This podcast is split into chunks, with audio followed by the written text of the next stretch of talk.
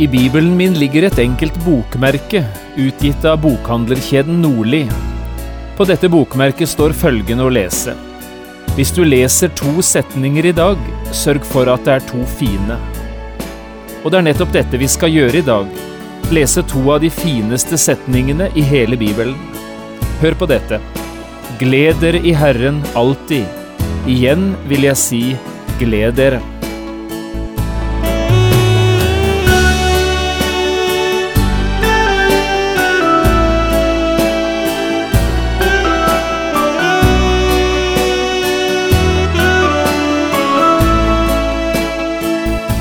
Hjertelig velkommen til et nytt program i serien Vindu mot livet. Programmet er produsert av Kristen Riksradio og blir ledet av Jon Hardang. Dette programmet er produsert med støtte fra Herman Høyfjellssenter.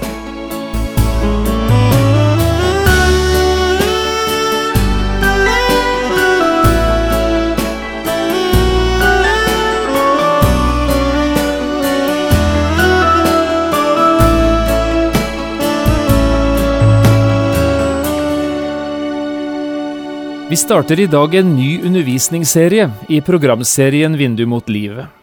Vi skal gjennomgå Filipperbrevet i Bibelen, eller Gledesbrevet som det også er kalt. Dette vil bli en serie på nærmere 30 program, og du vil sikkert ha glede av å ha Bibelen din i nærheten når vi nå skal lese gjennom dette brevet avsnitt for avsnitt. Vi skal begynne i dag med å lese sammen det kanskje mest kjente verset i hele Filipperbrevet nemlig fra kapittel fire og vers fire. Jeg har kalt dagens program Gled dere i Herren.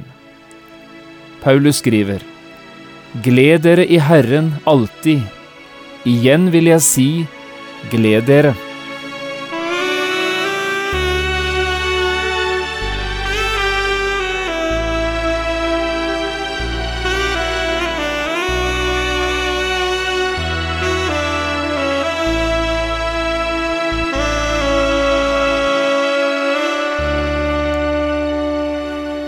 Jeg tror du kjenner navnet moder Teresa, gjør du ikke? Denne vesle, store katolske nonnen som brukte sitt liv på å hjelpe de fattigste av de fattige i den indiske storbyen Calcutta. Ikke så lenge før moder Teresa døde, ble hun spurt av en som selv ønsket å gå inn i dette store barmhjertighetsarbeidet blant Indias fattige. Moder Teresa, hva har vært din arbeidsinstruks? Hva har vært kjennetegnet på det arbeidet du har stått i her i India i alle disse årene? Moder Teresa trengte ikke lang betenkningstid før hun svarte. To ting, svarte hun. Det første er hardt arbeid, knallhardt arbeid. Og så det andre, gleden i Herren. Og med dette gleden i tjenesten.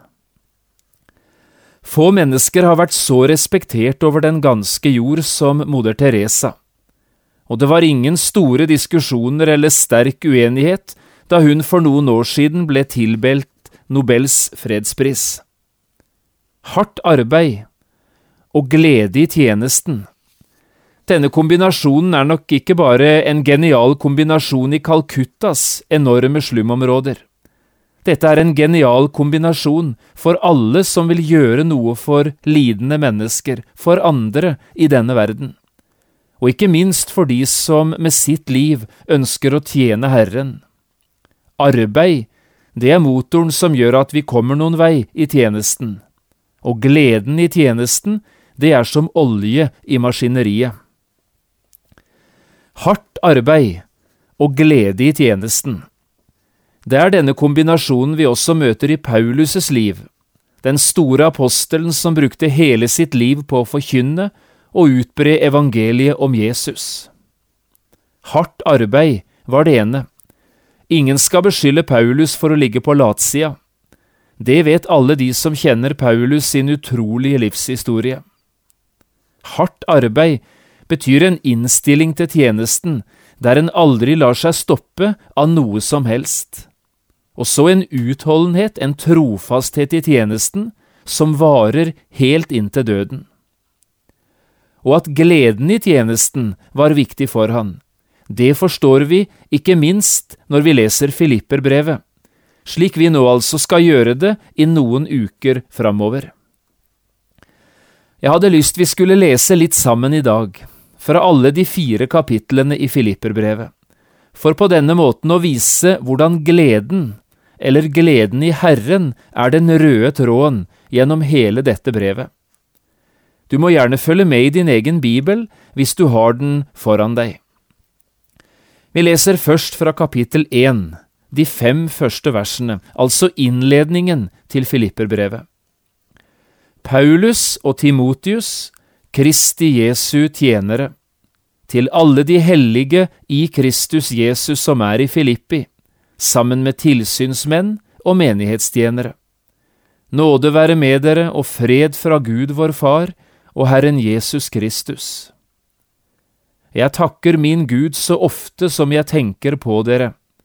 Alltid når jeg ber, gjør jeg min bønn for dere alle med glede.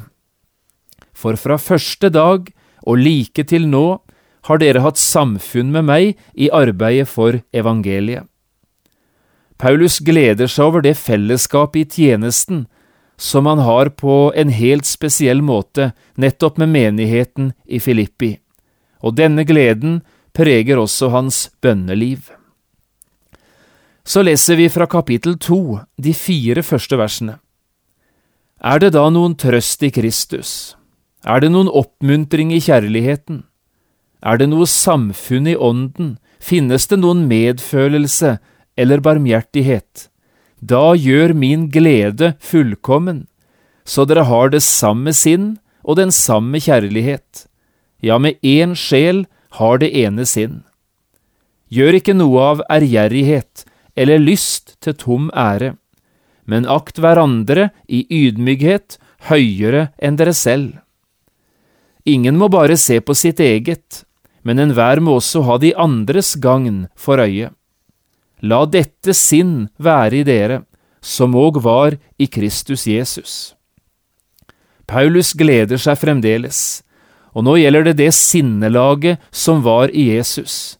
Tenk om også dette kunne prege hans etterfølgere i Filippi, det skulle være en stor glede, sier Paulus.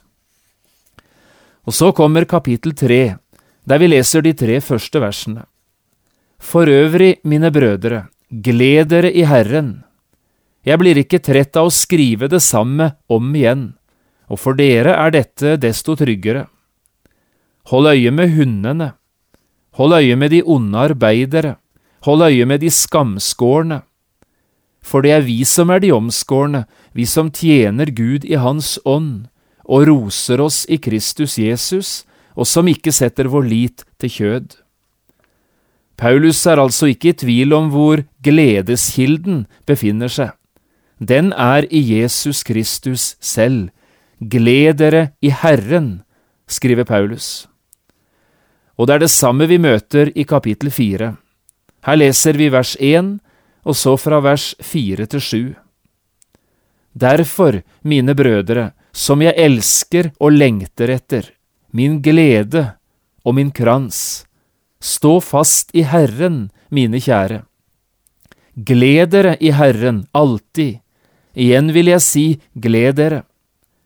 La deres saktmodighet bli kjent av alle mennesker, Herren er nær. Vær ikke bekymret for noe, men la i alle ting deres bønneemner komme fram for Gud, i påkallelse og bønn med takk.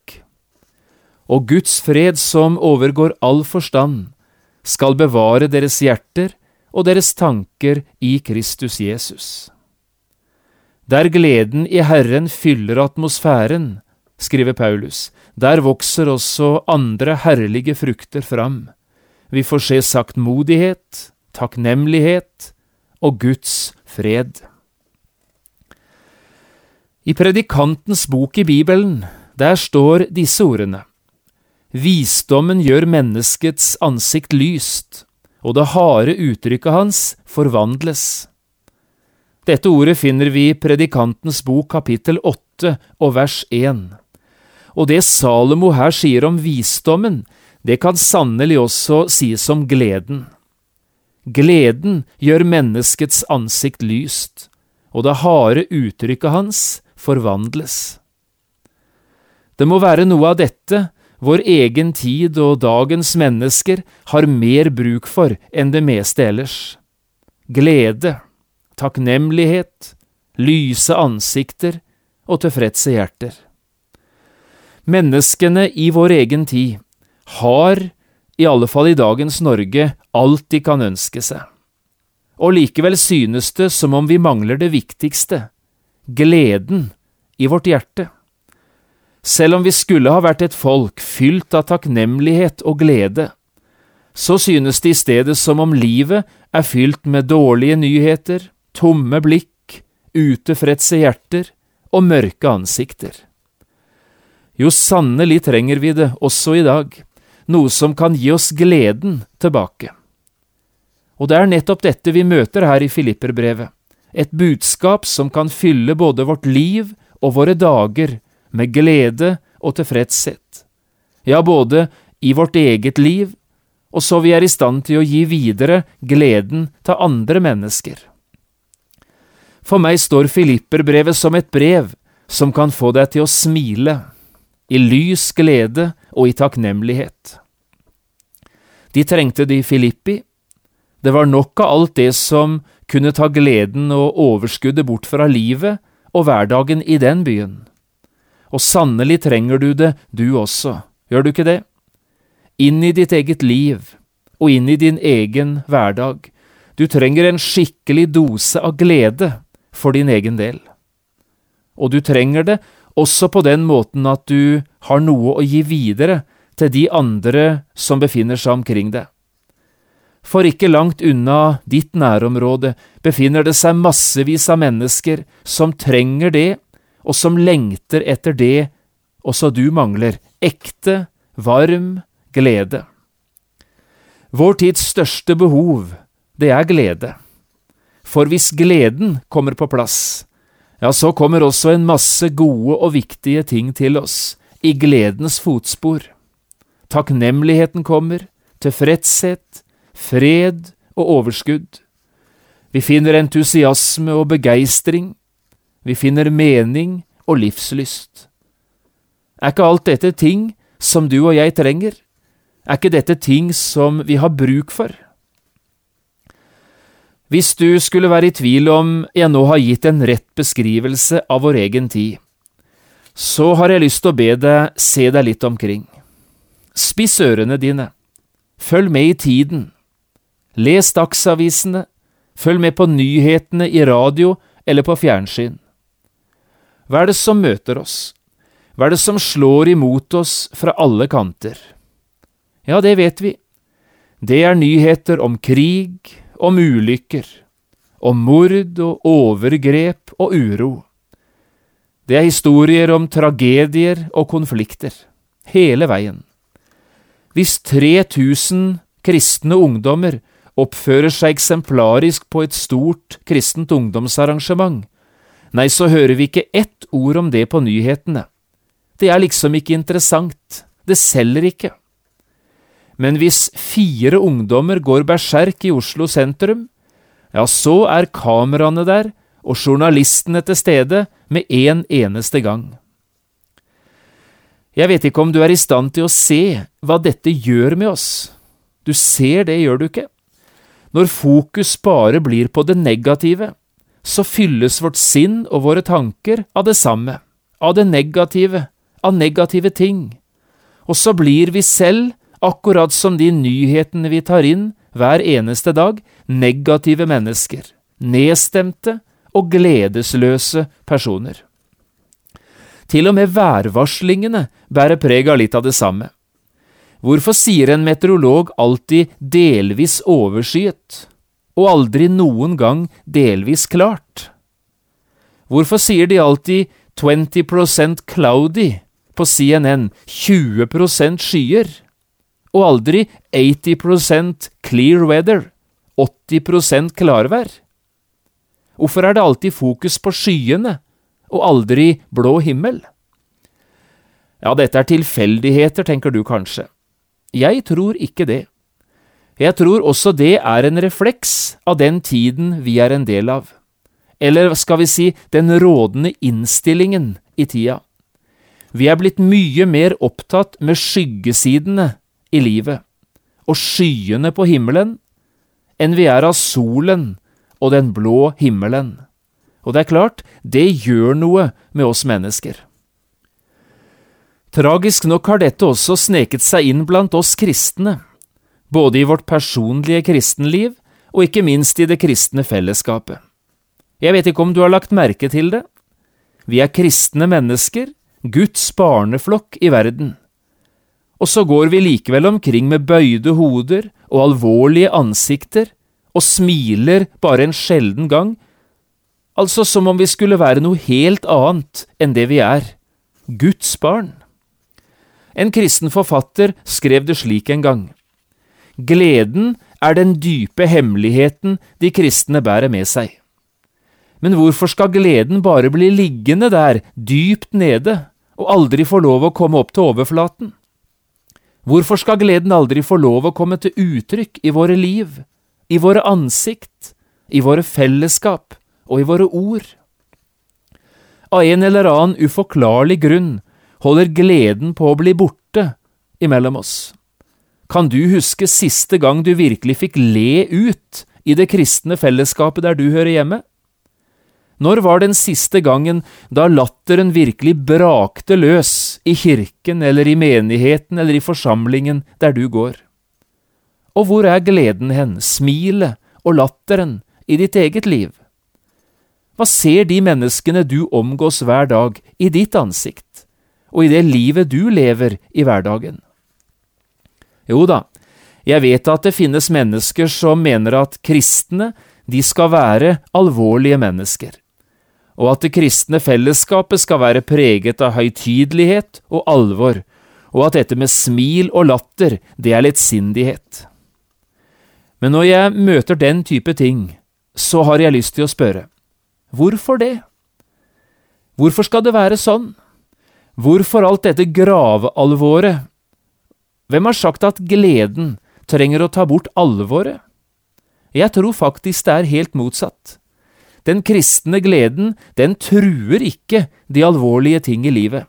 Kristen glede gir oss i stedet kraft og overskudd og bærekraft inn i livsalvoret. Og er det noen mennesker i denne verden som skulle ha grunn til glede, ja, så må det jo være de kristne. Som du sikkert vet, samarbeider jeg i denne programserien Vindu mot livet med en amerikansk radiobevegelse som kaller seg Insight for Living. Denne bevegelsen er ledet av forkynneren Charles Swindle.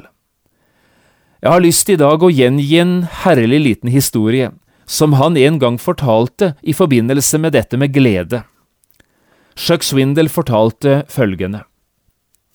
For en god del år siden talte jeg om dette med glede på en konferanse på Moody Bible Institute. Etter at konferansen var avsluttet, fikk jeg så et brev fra en kvinne som hadde deltatt på denne konferansen. Hun takket meg så hjertelig for det jeg hadde forkynt. Og så fortalte hun litt om seg selv i humoristisk form om hvor viktig det er å ha litt humoristisk sans i livet. Det var et utrolig brev jeg fikk, forteller Chuck Swindle. Jeg siterer fra brevet. Humor har betydd mye for meg også i mitt åndelige liv. Hvordan skulle jeg ellers klart å oppdra tolv barn, etter å ha fått mitt første barn da jeg var 32 år gammel, om jeg ikke hadde hatt humor?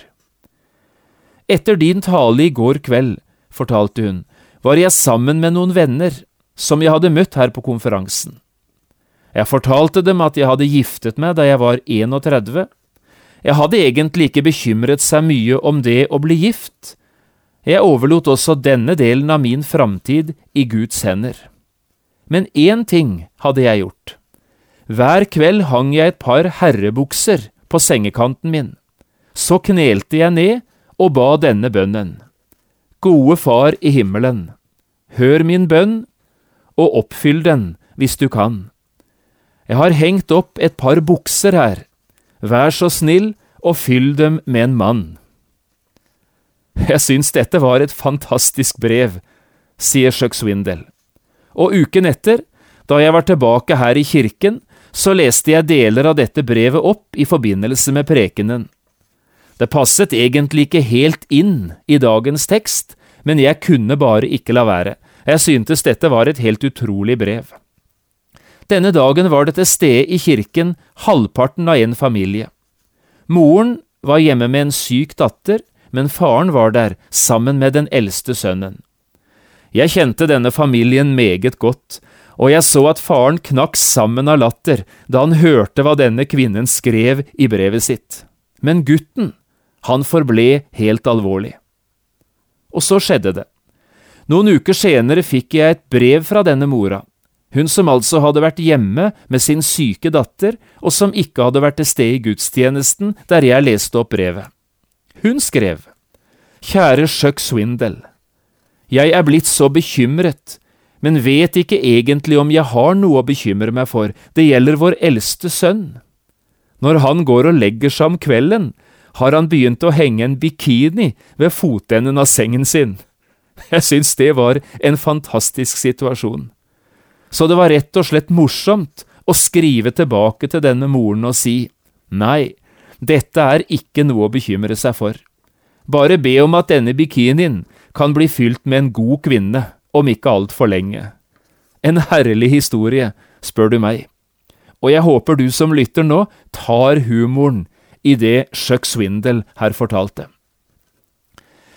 Den norske forfatteren Johan Bojer skriver i boka si Den store hungeren om en gutt som vokste opp i en bygd hvor det var synd å smile, og hvor sinnene var skoddegrå av fattigdom, helvetesfrykt og salmesang.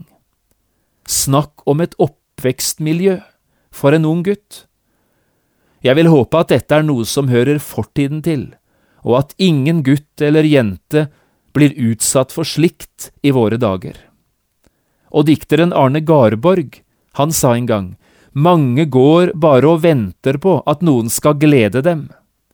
Dette tror jeg er den største årsaken til at det er så mye åndelig nød og fattigdom iblant oss. Tenk slik, skrev den store dikteren. Det er ikke så ofte vi gir hjemmelekse i disse programmene, men i dag skal vi gjøre et unntak. Til neste program ber jeg deg lese gjennom hele Filipperbrevet. Det består av fire kapitler og så setter du en strek under ordet glad eller glede hver gang du møter det i bibelteksten. Så kan du etterpå telle hvor mange ganger dette herlige ordet er brukt i Filipperbrevet. Så skal jeg i det neste programmet fortelle deg hvor mange ganger jeg fant dette ordet da jeg leste gjennom Filipperbrevet. Avtale?